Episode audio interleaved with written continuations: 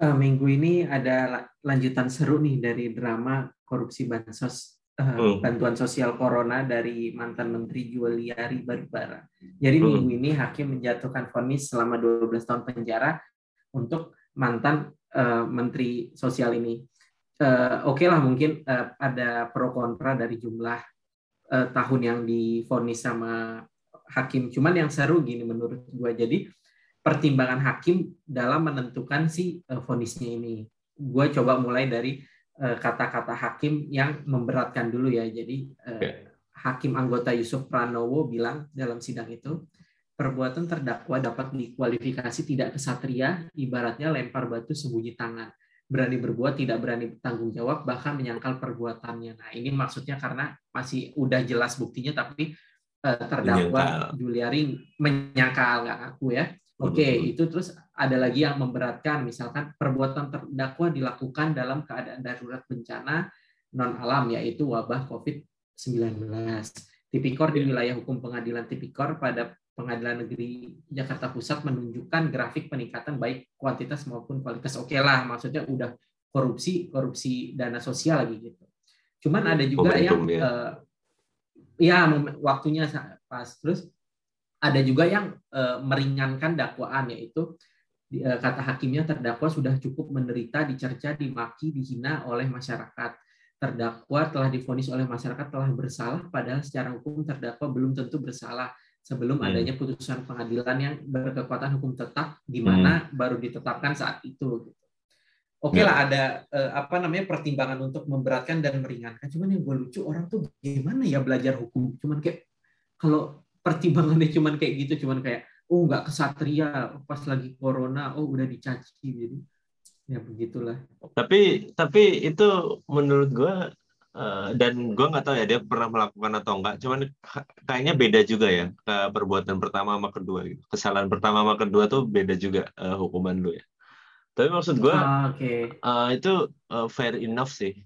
Dan dan dan apa ya uh, ya itu benar tuh kalau kita kan pakai asas praduga tak bersalah ya.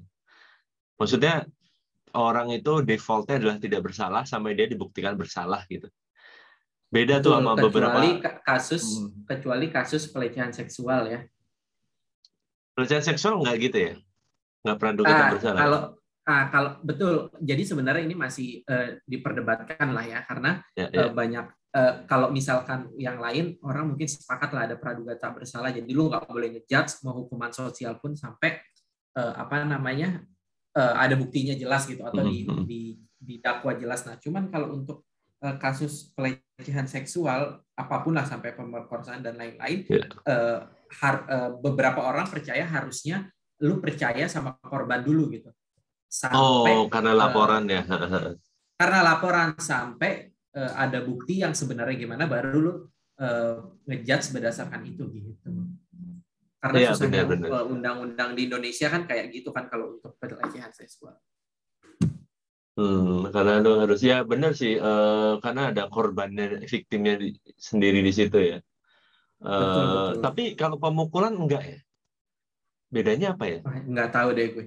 kalau pemukulan gue enggak tahu. Iya Maksudnya, harusnya sama. Ya kan ada korbannya tapi itu ya uh, karena di beberapa negara kan praduganya bersalah ya. Artinya lu ditangkap dulu di penjara dulu baru lu dikeluarin gitu. Kalau lu udah nggak bersalah. Itu ada sih di beberapa negara yang uh, gua tahu ya ada seperti itu. Tapi ya benar sih uh, karena karena gini sih.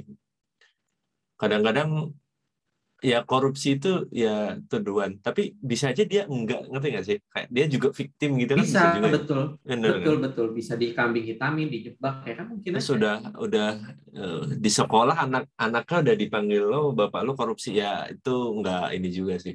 Ngerti nggak sih maksud? Betul betul betul. Ya. tapi kalau udah ber, di ber, ber, apa udah terbukti bersalah ya itu cerita lain. Gue punya berita ini sih uh, dari ini di dari Yogyakarta ya. Um, gue baca di kompas.com. Jadi ada lomba mural. Jadi lu tau mural kan? Uh, apa ya? Bahasa ininya sih kayak di ya pilok-pilokkan gitulah ya di ini. Ya salah satu karya seni cuman medianya tembok gitu mungkin ya.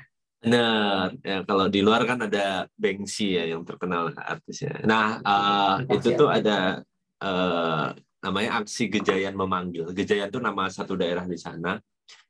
Ya, dia mengajak para seniman untuk mengikuti lomba mural. Nah, uniknya adalah jadi kriteria pemenangnya ini adalah mural yang paling cepat dihapus aparat. Itu dapat nilai lebih. Jadi kalau mural lo tuh uh, lebih cepat dihapus lebih bagus tapi tentunya udah didokumentasiin ya nah mereka nggak ngasih hadiah sih kayak apa duit dan lain-lain nggak cuman kayak exposure uh, tolak ukurnya adalah kalau uh, mural lo apa namanya lebih cepat dihapus ya berarti lebih punya efek lah atau dampak lah gitu. Ya positif view-nya itu ya. Tapi kalau gue jadi seniman ya uh, gue nggak tahu sih kriteria aparat menghapus tuh apa ya. Karena kan bisa juga yang pertama kan tentu uh, impactnya atau menyerangnya ini yang kedua kan bisa obscure ya obscure apa ya? Uh, ya bisa kayak pornografi atau apa tuh bisa juga kan. Yang lu lu nggak punya konteks gitu ya kayak lu mural sesuatu yang tidak senonoh aja juga mungkin dihapus ya. Hmm. jadi gue nggak tahu sih kalau, uh, ini ya. gimana. Tapi kalau menurut gue malah ini uh, oke okay banget loh. Maksudnya uh, para apa namanya parameter jurinya itu mana yang cepat dihapus. Karena gue nangkapnya uh, konteksnya lomba mural ini kan untuk mengkritisi uh, yang akhir-akhir ini nih. Jadi banyak ya. mural. Mural sebenarnya dari dulu kan nggak nggak baru-baru jadi bentuk kritis ke pemerintah Bener. ke siapa pun gitu. Cuman uh, semenjak kayak mungkin beberapa minggu inilah ya kayak satu bulan terakhir ditanggapi oleh pemerintahnya agak berlebihan gitu kayak sampai dihapus dan lain-lain. Dan khusus untuk mural-mural yang kritik pemerintah doang gitu. Hmm. kayak yang paling terkenal kan kayak Tuhan aku lapar kemudian ada foto yang sebenarnya mungkin kalau dibilang itu Pak Presiden belum tentu juga ya cuman kayak uh, four not found gitu. Sebenarnya kritik hmm. presiden nggak kelihatan gitu. Ya kayak gitu-gitu kan makanya kalau misalkan kita mikirin konteksnya kayak gitu berarti benar jadi mural yang paling bagus adalah yang paling menyinggung pemerintah gitu kalau misalkan lomba ini untuk mengkritiki hal itu ya jadi ya kok keren berarti, sih kalau menurut gua. Berarti harus di apa pertajam lagi ya lomba muralnya ini yang yang berupa kritis ya kritisi ya uh, harusnya soalnya ini. kalau konteksnya kayak sebelumnya agak aneh kalau dia tiba-tiba mural bokep atau apa kan ya aneh aja ya obscure gitu kan Iya benar-benar. Tapi, tapi gue lebih terganggu mural-mural yang yang dia menganggap itu bagus padahal uh, jelek sih. Paham gak sih maksud gue? Kayak iya, iya, iya ya. Cuman tulisan, bukan cuman sih maksudnya tulisan tapi yang sebenarnya entah apa gitu kan. Nggak ada nggak ada konteksnya gitu kan. Iya iya iya iya. Kalau kayak uh, yang Bengsi atau ya banyak lah mural-mural Indonesia juga banyak yang uh, ya walaupun tulisan ya tulisannya tuh ada meaningnya gitu ada ini tuh kayak tulisan doang nah mungkin nama dia doang gitu ngerti nggak sih kayak iya amal, makanya gitu. harus dibedain tuh mana mural mana vandal kan jadi kalau cuma di uh, tempat wisata gitu terus ditulis uh, amal, amal wasir, wasir. vandal lah nggak ada konteks udah cuma tulisan nggak jelas ya itu vandal doang itu mungkin ya bukan mural Aduh. Ya, ya, ya. Uh, karena kalau uh, di Jogja, gue pernah tinggal di Jogja ya. Di sana emang ada bahkan ada kayak uh, komunitasnya gede juga sih mural ini. Gue nggak tahu deh di, ya pastinya di Jakarta ada, cuman di Jogja tuh banyak sih artis-artis yang terkenalnya gitu banyak. Uh, makanya nih kayak keren-keren kan? Keren, keren, keren. Jadi keren. kalau cuman karena kritiknya tidak bisa diterima gitu, terus ditutup kan kayaknya nggak fair aja ya. Ya benar, benar, benar. Nah, ke, selanjutnya nih beritanya dari Tokyo. Jadi seperti yang kita tahu lah umumnya setelah Olimpiade pasti akan diikuti dengan para Paralimpiade mungkin kalau bahasa Indonesia-nya ya. Jadi Paralimpiade sama seperti Olimpiade, ajang untuk uh, olahraga mencari atlet yang terbaik, cuman bedanya ini untuk uh, para atlet yang berkebutuhan khusus.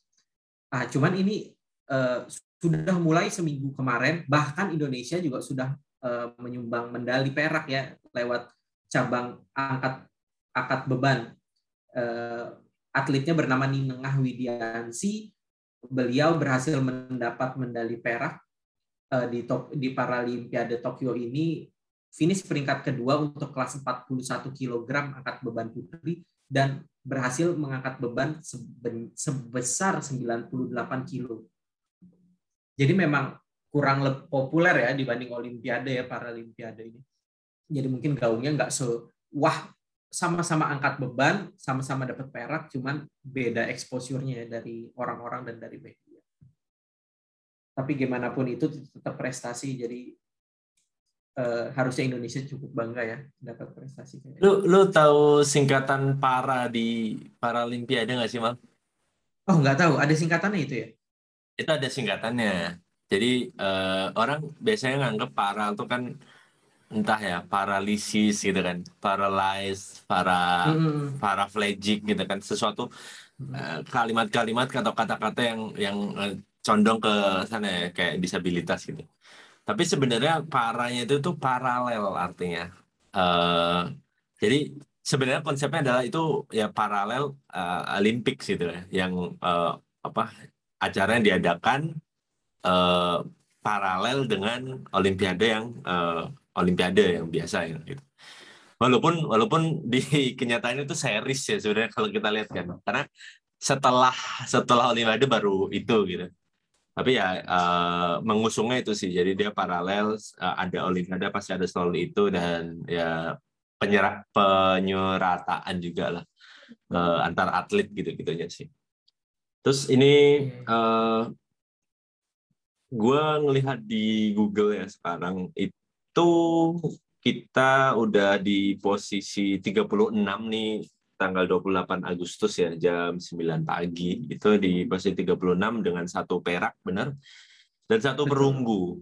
Jadi uh, satu perak satu perunggu totalnya kita udah di dua medali. Tapi lu lihat perunggu dari cabang apa perunggu dari cabang apa ya? Ini gue lihat dulu deh. Lu nonton olahraga olahraganya nggak sih gue gue untuk angkat beban gue cukup tertarik. Jadi gini memang gue akuilah uh, uh, wajar untuk Paralimpik tidak sepopuler Olimpiade gitu. Mm-hmm. tapi untuk akan beban menurut gue malah lebih keren. Maksud gue gini lu dengan kondisi uh, tidak untuk merendahkan ini ya yang teman-teman yang uh, mm. disabilitas tapi lu dengan kondisi uh, badan normal uh, yeah. dengan berat 41 kilo maksimal lu bisa ngangkat 98 dua kali li, lebih bahkan dua kali lipat dari berat lu aja itu udah susah tam ini gimana dengan lu punya disabilitas gitu kan jauh lebih keren menurut gua ya yeah. untuk iya, yang iya. angkat besi ini cuman ya uh, memang mungkin untuk yang lain kurang populer kali ya mungkin kayak atau renang tidak secepat yang biasa dan lain-lain cuman kalau untuk akan beban kayaknya malah lebih keren menurut gue Uh, ya, tadi angkat beban ya dapat silver ya. Uh, yang bronze itu dari cabang atletik sih. Uh, diperoleh oleh Sabto Yoga Purnomo di cabang men's 100 meter T7 T37 sorry. Jadi uh, men's 100 meter uh, T37. T37 itu uh, untuk atlet dengan cerebral cerebral palsy Terus Walaupun ternyata nggak sepopuler Olimpiade, gue tetap mm -hmm. bangga. Jadi jangan uh, berkecil hati lah. Pasti masih banyak orang Indonesia yang ngedukung atlet uh, di Paralimpiade, Pak Paralimpik dibanding eh sama Olimpiade juga. Gitu. Ya, selanjutnya nih gue ada ini nih berita yaitu tentang kondisi di Afghanistan ya. Jadi uh, kan kita tahu di sana sekarang ada uh, pemerintahan baru yang dipegang oleh Taliban. Kemudian ya karena itu reaksi negara-negara yang ada adalah mengevakuasi uh, para penduduk yang berada di sana ya. Jadi misalnya kalau di kita berarti ya WNI yang ada di uh, Indonesia dievakuasi gitu. Tapi ya ini kita di sini pemerintah Indonesia menggunakan pesawat TNI Angkatan Udara mengevakuasi 33 orang dari uh, Afghanistan. Uh, jadi sebanyak 33 orang itu terdiri dari 26 warga negara Indonesia, 5 warga Filipina, dan 2 warga Afghanistan yang merupakan suami dari WNI yang dievakuasi. Jadi nggak cuma warga negaranya, tapi keluarganya juga. Nah, tapi dari yang coba dievakuasi itu ternyata ada tiga ya, tiga WNI lainnya yang uh, menikah dengan warga di sana, jadi memutuskan untuk tinggal di sana ya. Ya sebenarnya ini kan pilihan juga ya. Um, ini kan kayak program dan dan ya apa ya mereka berhak memilih tentunya. Uh, dan mungkin mereka memilih untuk tetap tinggal di sana dengan keluarganya kayak gitu sih menarik tapi ya kalau kita lihat berita kan kita selalu cuma dapat sudut yang kayak orang berlomba-lomba keluar dari negaranya hmm, hmm. sampai naik ke pesawat sampai jatuh sampai wah udah kacau lah kita lihat cuma itu kan ternyata minggu -minggu ada pertama. ya hmm. minggu-minggu pertama ternyata ada ya bahkan maksudnya kalau gua melihat berita itu doang terus kan berkesimpulan oh kondisi kacau. Jadi harusnya untuk WNI ini bahkan malah suaminya atau pasangannya malah pengen ikut ke Indonesia karena di sana kacau. Tapi ternyata enggak ya. Jadi menarik juga. Mungkin ya, tidak iya. separah ya. itu kalau gue berkesimpulan dengar berita ini ya cuman kita nggak tahu. Ya benar. Kayak apa ya uh, ya sudut pandang warga yang di sana kan yang lebih valid sebenarnya kan. Nanti nggak sih? Kayak bukan uh, kita gitu yang di luar yang melihat ke sana ya, mereka lebih tahu uh, pilihan mereka sih menurut gue sih um, ya semoga Mm-hmm. Ya semoga uh, apa pun pilihannya mau yang balik ke sini atau yang masih di sana tetap selamatlah semuanya ya, dapat yang terbaik, tidak sampai korban jiwa. Ya, ya. Kemudian berita selanjutnya nih, jadi pelaksanaan Hari Ulang Tahun Indonesia ke-76 17 Agustus kemarin seperti yang kita tahu kan tidak semeriah tahun-tahun sebelumnya ya karena ada corona kayak kita lihat uh, upacara negara pun juga sepi gitu. Tapi ada yang ikut ngerame ini uh, tahun ini yaitu Densus 88. Seperti yang kita tahu kan uh, Densus 88 ini kan anti teror divisi anti teror dari Polri ya. Jadi dari tanggal 12 sampai 17 Agustus mereka melakukan penangkapan yang besar-besaran nih terhadap para terduga teroris. Jadi sampai tanggal 17 Agustus itu ada 53 orang terduga teroris yang ditangkap di 11 provinsi. Jadi kayak proses penangkapannya besar-besaran nih. Nggak tahu ada hubungannya sama 17-an di Pasin atau enggak. Cuman dari 11 hmm. provinsi ini yaitu Sumatera Utara, Jambi, Lampung, Banten, Jawa Barat, Jawa Tengah, dan Jawa Timur ada 53 orang yang tertangkap nih. Biasanya jarang-jarang lah ada yang sampai sebesar ini. Uh, nggak tahu ya, mungkin gue nggak dapat berita lebih lanjut kenapa bisa tiba-tiba bisa banyak gitu ada penangkapan apakah memang karena momen 17 Agustus untuk e, meramaikan ya nggak mungkin juga ya atau ada juga hubungannya dengan kondisi Afghanistan e, ter, terakhir hmm. gitu e, okay. bisa jadi ya kan bisa jadi memicu, karena ya. e, memicu betul Taliban sudah berhasil e, di Indonesia jaringan terorisnya terpicu atau juga bisa e, untuk menghindari jadi Densus 88 melakukan pencegahan sedini mungkin jadi biar orang yang mungkin udah mulai termotivasi nih jaringan teroris akhirnya kendor bisa jadi tapi gue belum dapat berita lebih lanjut mana yang eh, kemungkinan itu yang sebenarnya menjadi alasan kenapa ada penangkapan besar-besaran ini.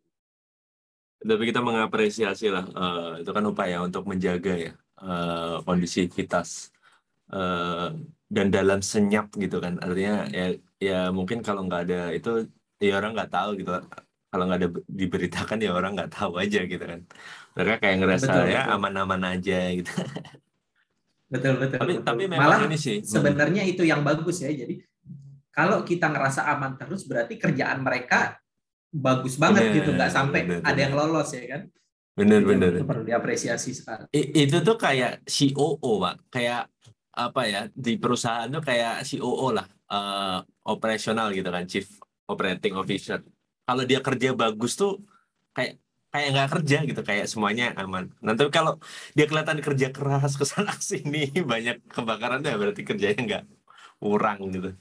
Tapi memang ini sih uh, tiap tiap momen-momen tanggal-tanggal tertentu tuh emang emang kalau lu perhatiin suka ada berita-berita gitu sih. Tahun baru, uh, acara besar keagamaan, uh, acara ya libur apa ini ya uh, apa 17-an kayak gitu sih. Emang ada momentum-momentum gitu sih. Oke, berita terakhir dari seri berita pendek ini, gue nemu ini sih. Ini ini cukup menarik ya, meskipun gue nggak terlalu ngerti uh, konteksnya ya. Tapi uh, berita gini, ini dari Na Naver uh, dia ya dari Korea kantor berita Korea terus di ada yang nge-translate gitulah jadi di sana terjadi kenaikan calon pendonor organ di organ tubuh naik hampir 11 kali lipat di uh, apa ya kayak palang merahnya sana uh, dan setelah ditelusurin itu karena pengaruh baik dari serial drama Korea namanya Hospital Playlist 2 aku juga nggak nonton sih.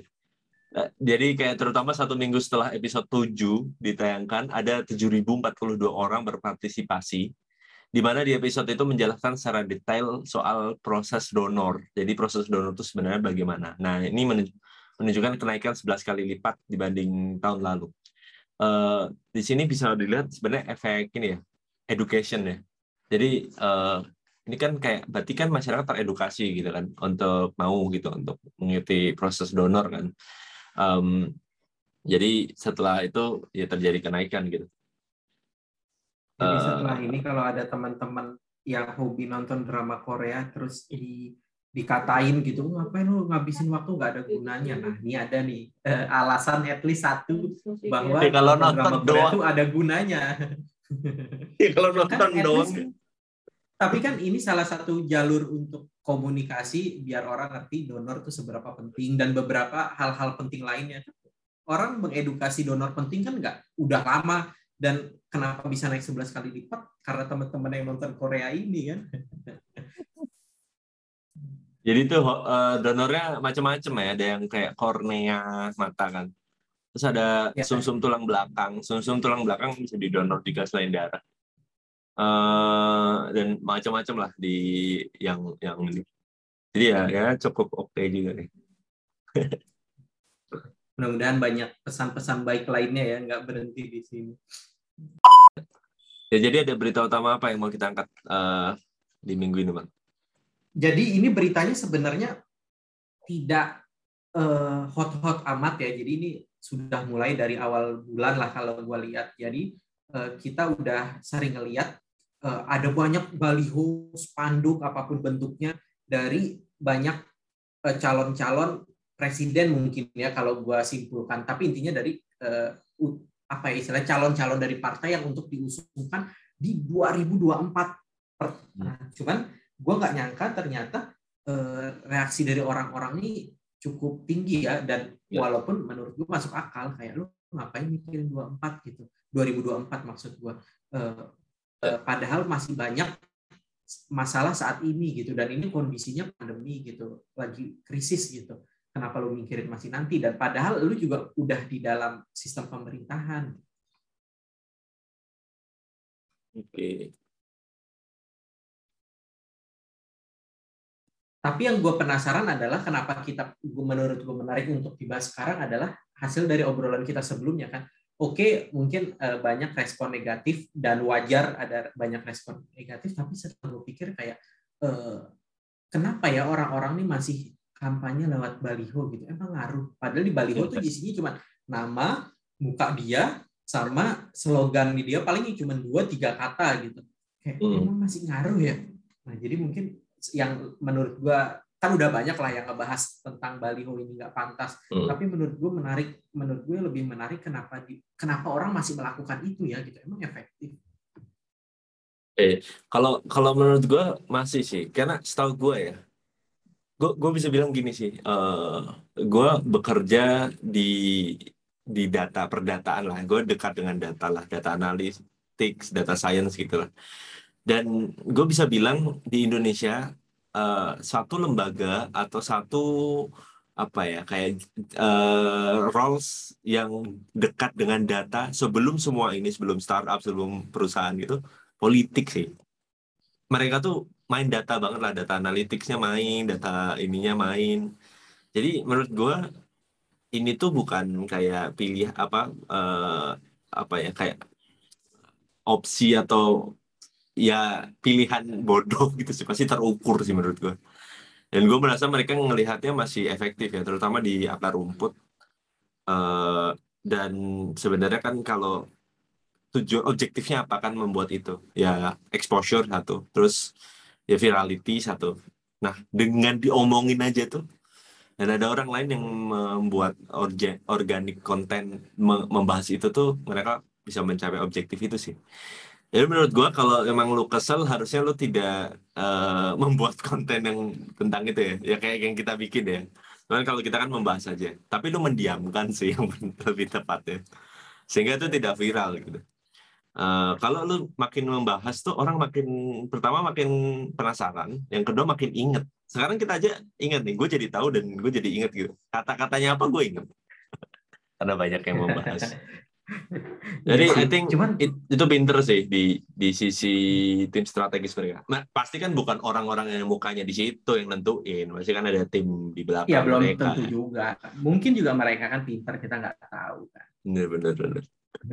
Cuman maksud gue gini, kan beda hal lah. Oke, untuk ngedongkrak popularitas masuk akal gitu. Kayak gue juga coba cari-cari kan. Kayak misalkan apa ya. yang lu katakan tuh sama seperti yang senada lah dengan apa yang dikatakan Pak Hendro Satrio. Pak Hendro Satrio ini pakar komunikasi politik dari Universitas Paramadina.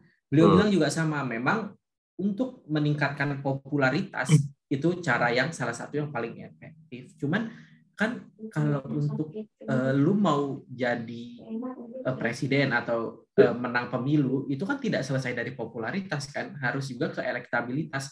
Jadi hmm. kasarannya orang nggak cukup tahu gitu. Orang juga harus tertarik dan percaya sama lu gitu. Cuman maksud gue kalau lu masang baliho khususnya lagi kalau misalkan kita ngomong konteksnya lagi akhir-akhir ini ya kan orang mungkin tahu lu tapi akhirnya malah tahu jelek dong gitu. Wah ini orang gila aja ngomong uh, kerja untuk Indonesia gitu atau ngomong untuk um, mau uh, lain tapi 2024 padahal kan dia bisa ngelakuin sekarang gitu. Dan sekarang semua orang dibutuhkan gitu perannya gitu. Jangan kan pejabat yang punya uh, wewenang dan power tinggi gitu. kita aja yang yang uh, akar rumput gitu kelas bawah banget aja dibutuhkan gitu. Perannya untuk sama-sama biar bisa lewat dari pandemi inilah kenapa dia malah mikirin ke depan. Kan jadi efek negatifnya dapat Nah, aslinya gue tuh sebenarnya mikir gini, gue masih pengen lihat masa nggak ada sih orang yang riset gitu. Karena gue berpikir kayaknya uh, mungkin ini masih ber kalau buat kita mungkin kayak gitu mikirnya, cuman mungkin buat teman-teman yang nggak punya akses internet atau mencari info uh, lebih baik gitu di beberapa daerah, mungkin mikir ah dia akan nyoblos siapa yang dia tahu aja gitu. Gue berharap gue dapat survei atau riset yeah. tentang itu, cuman sayangnya nggak ada sih. Mungkin belum satu satunya alasan mungkin belum ada ya karena soalnya satu-satunya alasan menurut gue membenarkan uh, mereka melakukan ini kan nggak mungkin buat populer dan dapat negatif doang dong tapi juga mm-hmm. untuk biar orang-orang nyoblos kayak lu bilang lah eh, tim di belakangnya itu kan pinter-pinter gitu at least nggak nggak mungkin ngasal-ngasal bikin kayak gini satu-satunya alasan yeah, yeah, gue yeah. kayak gitu mungkin orang-orang dan mayoritas orang-orang itu nggak nyari nggak nyari tahu gitu sebelum dia nyoblos jadi dia cuma oh ini gue lebih familiar dari ini ayo udah gue coblos yang familiar aja. Jadi ya udah baliho aja cukup. Bikin kaos disebar aja cukup. Ya yeah. gue juga dapat satu uh, pendapat nih yang cukup menarik ya dari uh, ini dikutip dari Tribun News. Itu yang uh, menyampaikan adalah Bapak siapa tuh namanya tuh yang full tracking? Hanta Yuda Hanta Yuda benar jadi dia bilang uh, ini bisa dilihat dari berbagai sudut pandang lah. Uh, efektif uh, kurang efektif cukup efektif dan efektif. Nah kan gue penasaran ya efektif tuh sudut pandang apa yang dia jadi ada dua. Yang pertama itu uh, ini cukup menarik sih. Jadi yang pertama tuh ini efektif dari sisi ekonomi karena pembuatan baliho ini itu tuh menggerakkan roda ekonomi juga loh. Apa yang bikin bali uh, usaha bikin baliho, yang masang, yang nyetak, yang mungkin nganterin drivernya kayak gitu. Jadi kalau lo pikir ya kalau lo protes gitu, ah lu uh, lu kok nggak bantu orang? Ya gue bantu orang gitu dengan pesen or, apa jualan Spesifik dia, orang gitu. baliho gitu ya. ya, ya iya okay. gitu kan. Kalau kalau dilawan pakai kita, ya iya sih gitu. Ya kayak apa kita beli apa gitu kan ya kita bantu dia juga gitu uh, terus kenapa lu yang ribet gitu yang maksud gue gitu karena itu kan gede ya ratusan juta mm gitu kan uh, dan dan dengan itu apa kalau lu ngasih ya industrinya itu kan industri itu nanti ada anak anak industrinya atau kayak industri yang relatednya kan misal industri apa yang jualan mesinnya yang jualan catnya yang jualan kainnya yang jualan apanya kayak gitulah. Nah uh, itu sudut pandang pertama. Sudut pandang kedua ini tuh efektif untuk internal. Jadi uh, ini tuh kayak uh, showing power gitu loh. Ngerti gak sih? Kayak gue punya modal gue mau maju gitu dan dan gue uh, jadi di internal tuh kekunci gitu manuver-manuver yang mau dilakukan mungkin saingan dia yang ada di internal itu kekunci gitu kayak ya dari PDIP kita tahu siapa dari Golkar kita tahu siapa yang yang yang kayak showing of power gitu. Kalau misalnya ada kompetitor lain di di dalamnya targetnya ke internal ya, internal bener. targetnya dibanding lebih, Jadi sebenarnya kita internal. penonton protes juga buat apa orang targetnya juga bukan kita gitu kali ya kasarnya. Iya itu kalau dilihat dari satu sudut pandang. Jadi uh, ya kan pasti kan di internal juga, aduh ini udah udah iya. mau maju nih gitu kan. Gue iya. mau dan masuk akal ya. Oposisi atau enggak? Iya dan masuk akal kalau misalkan targetnya internal mereka melakukannya sekarang gitu. Tadi kan gue salah satu poinnya bingung kenapa jauh-jauh hari gitu 2024 kan masih lama gitu. Nah, mungkin kalau targetnya untuk internal jadi dia mau ngekat saingan sekarang jadi nanti tahun-tahun selanjutnya udah bisa fokus gitu. Tapi nggak nggak berharap tiba-tiba nanti ada orang lain yang diajuin partai gitu kali ya konteksnya. Iya benar-benar uh, dan ya gue gue tadinya mau bilang kan kalau Demokrat tuh pakai kayak sistem Amerika ya. Dia pakai ada kayak apa sih? Convention gitu kan. Nggak tahu kan hmm. kalau yang sekarang gimana. Uh, kalau di Amerika kan memang ada convention ya kan. Artinya itu sudah terjadwal gitu. Jadi uh, dan internalnya diselesaikan di situ. Cuman kan banyak yang enggak ya. Banyak yang ya udah tiba-tiba maju calonnya maju calon maju calonnya. Nah ya penyelesaian internalnya butuh strategi-strategi kayak gini sih. Tapi Demokrat juga masang sih. Cuma nggak emang nggak sebanyak yang dua lainnya ini sih. Oke, tapi nggak ada perspektif yang bilang oh, uh, jadi masih masih jauh lah ya untuk berharap dia bisa dicoblos ya. Jadi memang targetnya saat ini mereka belum ke sana ya, masih terlalu jauh ya. Oke lah. Uh, gue bahkan nggak tahu nih 2024 nih ya bahkan ada yang nggak menyantumkan tahun ya tapi kayak apakah ini ya presiden atau mungkin nyari wakil karena setahu kita ya kalau deket-deket kan emang wakil aja tuh kan dia kayak jualan gitu kan kayak ngepromosi juga kan. membuktikan kan. diri eh elektabilitasnya tinggi gitu kan ya minimal modalnya lah. Modalnya lah betul. Oke lah terlepas itu efektif atau enggak eh, kita nggak tahu lah. Kita cuma bisa ngobrol-ngobrol kedai kopi cuman memang mudah-mudahan sih mereka nggak berhenti di situ ya. Jadi mudah-mudahan banyak yang sebenarnya dilakukan selain buat nyari suara gitu tapi mungkin lu nyadar pasti gue yakin yang denger atau lu juga nyadar deh. Kalau itu kan contoh-contoh baliho yang bagus ya. Jadi berkonsep dengan baik kata-katanya baik. Tapi banyak juga di daerah-daerah kalau lu lihat yang eh, bali-balihonya random-random banget. Nah jadi waktu gue nyari riset tentang ini efektif nggak ya baliho orang-orang baliho ini malah gue nemu satu penelitian yang menarik banget. Jadi penelitian ini dilakukan oleh Sulasri dan Ronidin ini bisa kita jadi bahan kita bahas satu sesi sendiri nih karena dia ngebahas jadi uh, si baliho-baliho yang ada di Indonesia ini sampai taraf uh, sampai level-level daerah itu bentuknya macam-macam banget gitu sampai yang chaos-chaos banget gitu. Jadi uh, mungkin dia meniru uh, yang level tertinggi ya kan dari yeah, iya. nasional yeah. terus dengan ya maksud gua kita kan nggak bisa berharap yang level di bawahnya atau bahkan juga punya gitu strategi. punya tim sebaik itu gitu kan ya wajar memang nggak punya kan ya, wajar, wajar. kayak gitu jadi mereka punya uh, apa namanya konsep sendiri iya, atau penerjemahan sendiri gitu kan lu sering lihat kan random random banget ah, ah, ah. Eh, istilah-istilah aneh gitu kayak youtuber tahu-tahu singkatannya uh, calonnya siapa gitu atau bentuk balihonya layangan gitu atau aneh-aneh gitu kan itu kayak ya mau disebut bootleg juga terlalu ini sih. Cuman kayak bener sih itu tuh kayak kolateralnya karena si strategi ini di tingkat nasional jadi kayak yang bawahnya tuh ngikut pasti pasti pasti. Uh, ini terjadi di semua semua area semua industri semua. Nah, ini kayak gitu sih pasti. Yang gede-gede bikin apa yang bawah-bawah ikut gitu. Betul betul. Dan kadang yang ngikutin nih karena kayak tahu nggak sih lu permainan yang kayak apa istilahnya tuh yang uh, kita berjejer kayak kereta gitu terus bisik-bisik satu kata sampai ujung terus hasilnya aneh gitu di ujungnya jauh banget sama yang pertama diucap orang pertama gitu nah ini kayak gini iya. kasusnya Iya kan? Jadi kan yang di atas juga don't, don't bother gitu untuk ngasih tahu yang sampai ke bawah. Ngerti gak sih? Kayak, kayak iya, branding. ngerti, ngerti. Kita, kita kan, ah oh, nggak ada nih, kita harus jaga branding kita nih. Partai kita nih harus brand essence-nya, brand communication harus seperti ini sampai level bawah gitu. Ya enggak.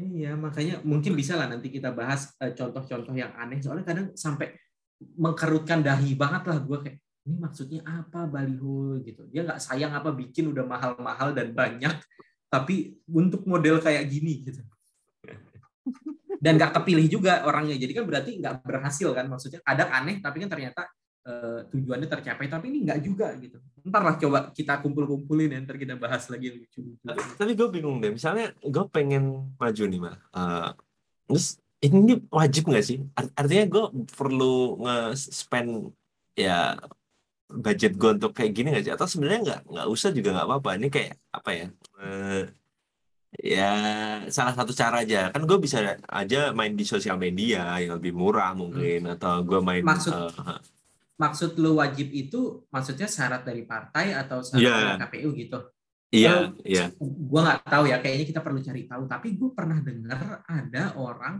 terpilih nggak melakukan itu sama sekali, kan? Jadi dengan strategi lain, kalau misalkan definisi wajib kalau itu biar dia kepilih kan jelas enggak berarti tapi kalau wajib e, syarat dari partai atau dari KPU nah itu gue nggak tahu tapi ada kok gue pernah dengar orang yang kepilih nggak melakukan nggak pasang baliho di mana-mana gitu. Strateginya unik jadi dia tuh cuma melakukan e, dua hal. Jadi ini pencalonan untuk e, DPR RI di daerah Jawa Timur. Dia hanya karena si calon ini tidak punya budget seperti orang-orang sekarang lah ya kayak lo bilang nunjukin power dia punya modal dia tuh hanya uh, harus butuh lebih kreatif buat um, menaklukkan saingan yang budgetnya lebih tinggi. Nah yang dia lakukan adalah gini. uh, dia tuh tahu orang-orang uh, di, di daerahnya dia ini dengan baik gitu. jadi dia ngelihat ada satu celah di orang-orang daerah sana itu punya tradisi kalau orang punya hajatan beda sama kita mungkin di Jakarta atau di kota besar ya udah hmm. nyewa catering gitu kan urusannya yeah. selesai nah di sana eh, kerja, inilah kayak apa istilahnya kerja bakti gitu nah salah satu masalahnya adalah piring maksud gue sebanyak banyaknya orang punya piring dalam satu keluarga itu berapa sih ya kan dan kalau dia numpuk banyak buat hajatan kan nggak perlu juga gitu dan buang-buang uang jadi yang dilakukan adalah eh, biasanya ya udah saling pinjem piring sama yang tetangga sekitar dan musyawarah ini eh, terus akhirnya dipakailah itu untuk hajatannya. Nah, calon ini melakukan adalah dia nyediain piring yang kira-kira cukup lah untuk satu hajatan. Itu kan nggak seberapa besar kalau dibanding baliho atau benar, apa. Benar, benar. Nah, cuman di piringnya itu adalah kayak eh, yang seperti dia. biasa di baliho. Eh, sebenarnya nomor sama nama yang okay. coblos sama kayak visi misi stand uh, ini yeah, singkatnya tulisan orang